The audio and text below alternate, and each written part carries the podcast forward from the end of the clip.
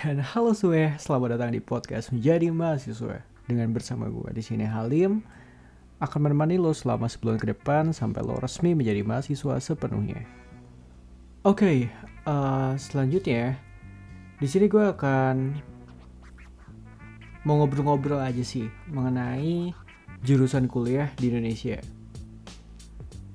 Gue kemarin habis ngeliat berita di mana di situ ada survei mengatakan bahwa 87% mahasiswa di Indonesia ternyata salah jurusan. Hasil penelitian ini diadakan oleh uh, Indonesian Career Center Network atau ICCN dan dilakukan pada tahun 2017. Salah satu dampak dari pemilihan jurusan yang gak sesuai minat ini yaitu uh, mahasiswa kecenderungan untuk lama menyelesaikan waktu kuliahnya atau bahkan mengejar hasil terbaik selama kuliah tersebut. Dan kita tarik ke belakang, gue juga sering banget ngobrol-ngobrol sama teman-teman gue yang uh, udah di kuliah-kuliah juga nih. Uh, sebagian kecilnya, tapi juga banyak uh, teman-teman gue di tempat universitas lainnya dan mengalami hal yang serupa sampai akhirnya gue menemukan mm, bisa mengambil kesimpulan bahwa ada menurut gue ada tiga besar hal yang didasarkan ketika um, SMA ketika kamu masih SMA dalam memilih jurusan. Yaitu yang pertama kita nggak bisa pungkirin juga yaitu adalah uh, pilihan orang tua. Ya klise emang ya.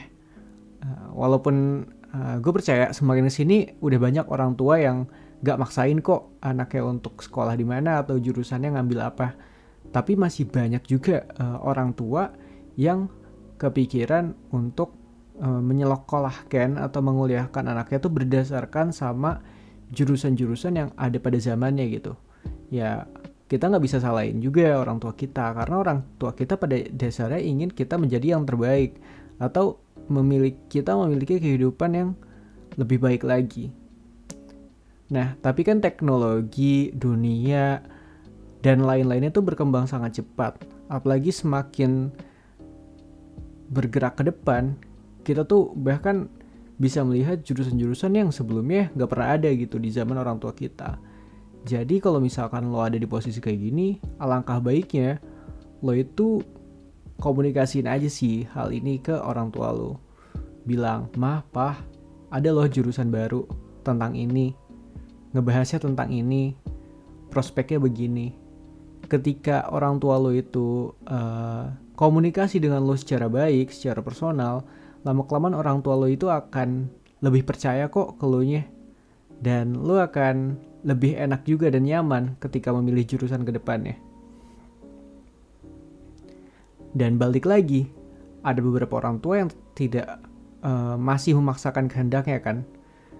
Tapi sebenarnya masalah masalah utama itu timbul sebenarnya bukan karena orang tua, tapi karena kemandirian lo itu dalam mengambil keputusan.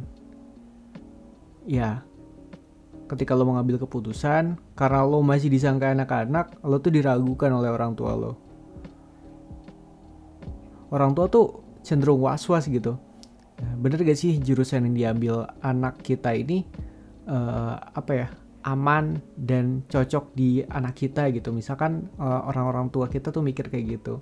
Apakah nanti kitanya nih diri kita sendiri sebagai anak nih uh, ketika udah berada di situ tuh bakal kecewa gak sih dan lain-lainnya? So uh, komunikasi yang paling penting. Selanjutnya ada lagi yaitu uh, dari diri lo sendiri dan lingkungan sekitar lo, lingkungan pertemanan sekitar lo. Yep, uh, kita nggak bisa pungkirin bahwa lo semua pasti tahu beberapa jurusan ya, kalau nggak dari internet, dari teman. Zaman sekarang internet tuh terlalu terlalu banyak dan ramai banget sampai lo bisa akses informasi kapan pun dan di mana pun. Tapi karena dengan adanya internet, sosial media dan sebagainya macamnya, uh, kebanyakan dari lo itu bisa melihat apa ya jurusan tuh sebagaimana yang ditampakkan media gitu. Media itu menggambarkan seorang anak teknik itu keren uh, cool dan lain-lainnya. Di sosial media tuh anak teknik tuh kelihatan brandingnya begini dan lu malah tertarik jadi anak teknik. Padahal lu belum tahu juga di teknik nanti uh, kerjanya gimana. Terus uh, lu selama kuliah bisa survive atau enggak? Atau lu bisa kuat gak sih ngerjain hal-hal yang berbau kalkulus matematika teknik fisika elektro eh itu mah di gue doang ya fisika teknik dan lain-lainnya. So sebenarnya uh, lu tuh nggak harus ngikutin teman-teman lu atau lu nggak harus ngikutin jurusan yang sekiranya keren gitu di sosial media. Uh, karena apa? Karena itu tuh cuma gengsi teman-teman. Lu pikir ketika makin sulit masuk gengsi yang lu dapat tuh semakin tinggi gitu makin tinggi gengsi yang lu dapat apalagi di umur di mana pengakuan dari lingkaran sosial sekitar kita tuh sangat besar upaya dilakukan secara serius untuk melanjutkan pendidikan di jurusan tersebut. Seharusnya gitu. Masalah nanti belajar apa, ya lihat nanti. Kebanyakan orang kan mikir kayak gitu. Padahal nggak bisa gitu. Makanya banyak kok, banyak kok. Makanya uh, sering kali teman-teman gua yang udah setahun, bahkan ada juga yang udah dua tahun, gitu tiba-tiba pindah jurusan. Karena emang nggak nyaman, nggak serak dari awal.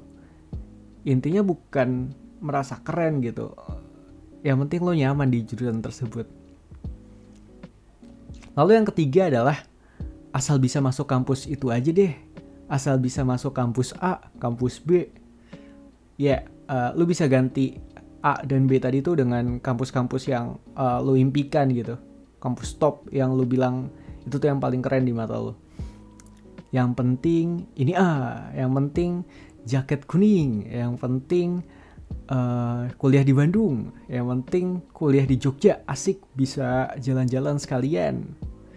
Nah ya, gara-gara itu tuh banyak orang yang cuma mikirin kampusnya gitu tanpa mikirin jurusan-jurusan tadi. Padahal sebelumnya gue juga uh, sorry gue juga udah bilang kalau misalkan jurusan tuh sepenting itu bahkan teman-teman gue ada yang merasa salah jurusan ketika masuk atau bahkan keluar dan mengambil uh, jalan hidupnya lagi di jurusan lain di kampus yang lain. Jadi jangan sampai kejebak sama mindset uh, kampus A itu yang adalah kampus yang terbaik. Semua kampus itu baik, tapi bagaimana diri lo bisa berkembang di sana itu yang uh, versi terbaik menurut gue. Yaitu terbaik untuk jadi diri lo sendiri. Jangan cuma dan juga jangan cuma pilih jurusan karena jurusan itu gampang dimasukin. Ya yang penting lu masuk univers universitas tersebut dan mengorbankan jurusan yang uh, gampang dimasukin aja lah yang passing grade rendah. Uh, tapi sebenarnya lu nggak minat main buat apa. Nggak penting. Maksudnya kalau mindset lu masih begitu coba dulu pikir-pikir lagi hidup lu tuh nggak sebercanda itu bukan Yap, bener kan? Tiga hal yang tadi tuh pada akhirnya akan berujung pada salah satunya adalah kesulitan atau surva, uh, survive lo, daya tahan lo tuh di tahun pertama kuliah. Lo bayangin, misalkan lo kuliah gitu. Terus uh, ternyata pas lo masuk kuliah tersebut, pas masuk di uh, jurusan tersebut, dosen-dosen lo tuh emang keren keren-keren gitu, fokus gitu. Dan super sibuk dan fokusnya uh, sama riset-riset yang beliau-beliau lakukan. Dan selayaknya dosen gitu. Dosen mana peduli gitu mahasiswa mau ngerti di kelasnya atau enggak. Beda sama guru teman-teman. Uh, karena seketika ketika lo udah menjadi mahasiswa lo tuh uh, sebisa mungkin diharapkan udah bisa belajar sendiri gitu mandiri. Uh, baik itu dengan buku materi online learning dan lain-lainnya. Perpustakaan juga banyak.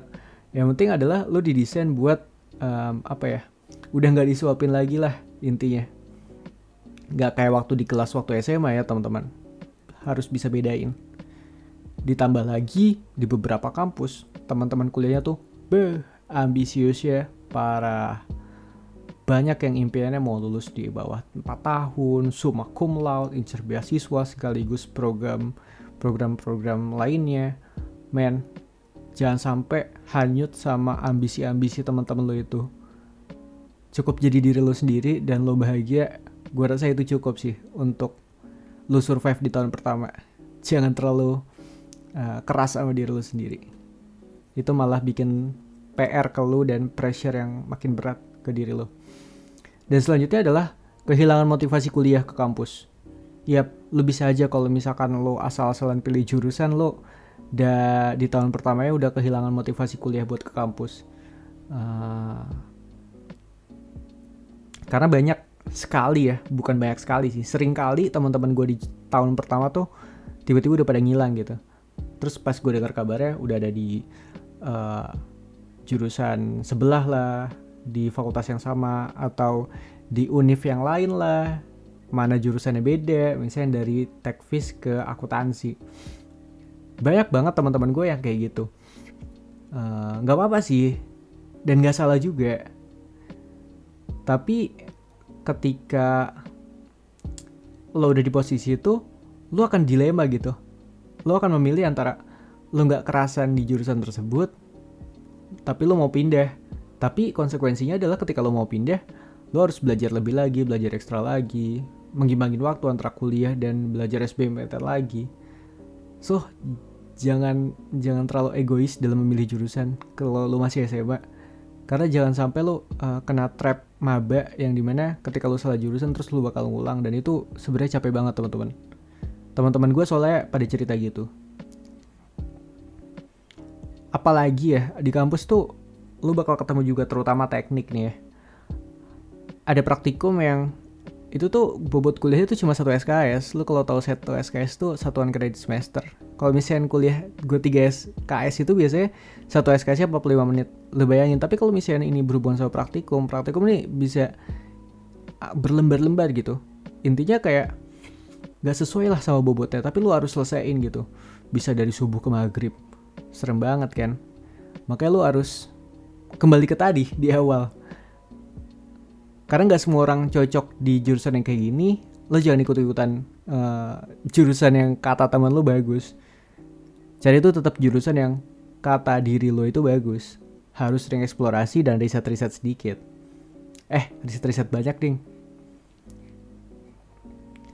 Nah uh, kalau misalkan udah berujung kayak tadi nih teman-teman solusi dari uh, gue sendiri tuh apa ya? Waktu lu masih SMA deh. Mumpung lu masih SMA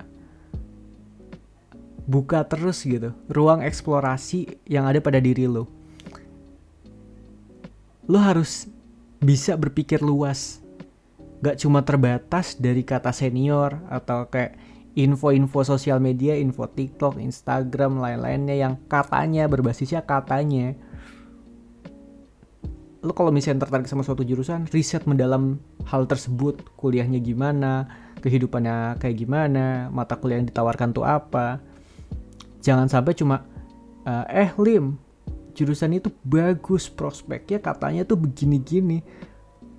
Dan lo percaya itu tanpa lo harus riset lagi men. Jangan sampai kayak gitu ya waktu dari selesai ujian nasional pun uh, sampai sekarang kalau misalnya nanti lo yang masih SMA ya terutama nih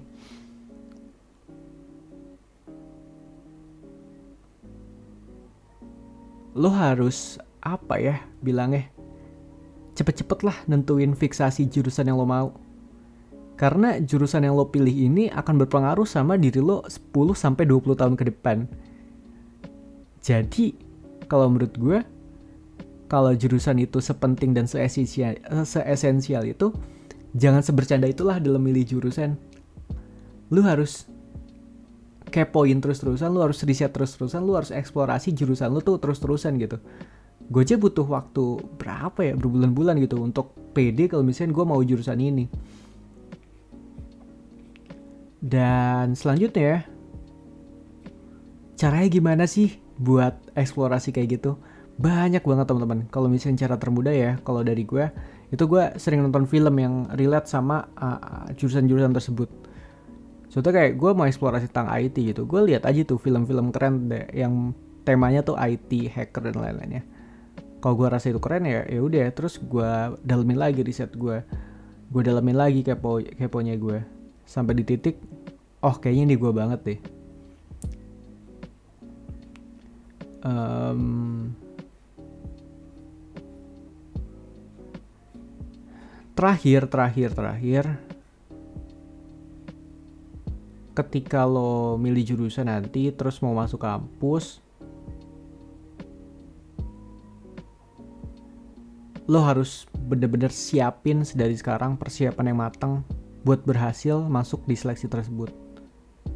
Jangan terlalu berambisi tinggi gitu dan set target boleh sih set target tinggi tapi jangan sampai gara-gara lo set target terlalu tinggi lu tuh memaksa dan menekan diri lu sendiri sampai lu nggak menikmati enjoynya berproses ketika uh, mau persiapan ujian seleksi PTN kayak SBPTN, SNMPTN atau ujian mandiri dan lain-lainnya. Jangan pakai cara instan juga kayak percaya sama bocoran, trik-trik soal, drilling soal tanpa lo tahu fundamental atau pemahaman dasar akan uh, ilmu-ilmu tersebut. Padahal nih ya, kalau lo tahu ketika lo berhasil memahami ilmu itu seilmu seutuh-utuhnya, semenyenangkan itu teman-teman lu bakal enjoyin bener-bener enjoy. Tapi hmm, mendalami keahlian dan penguasaan di bidang pelajaran yang lo mau itu nanti bakal menjadi bekal lo juga sih di kampus. Dan ketika lo masuk kampus dengan jurusan yang lo mau uh rasanya tuh sangatlah menyenangkan yap pada akhirnya penutup dari gue adalah pilih jurusan kayak lo mau milih seseorang yang akan bersama lo di masa depan. Pilih baik-baik, pilih hati-hati. Cari tahu caranya, cara cari taunya gimana. Lo banyak-banyak explore diri lo sendiri, eksplorasi minat dan bakat lo ada di mana. Dan jangan lupa belajar biar keterima di kampus impian lo, di jurusan impian lo, nikmatin proses belajarnya, jangan fokus ke target, tapi ke progres yang lu, lu udah hasilin selama ini. Karena pada akhirnya, belajar adalah kegiatan sepanjang waktu, bukan hanya di sekolah dan kampus, atau bahkan untuk masuk dan diterima di kampus tersebut. Semangat semua ya! Sekian dari gue, sampai jumpa di episode selanjutnya.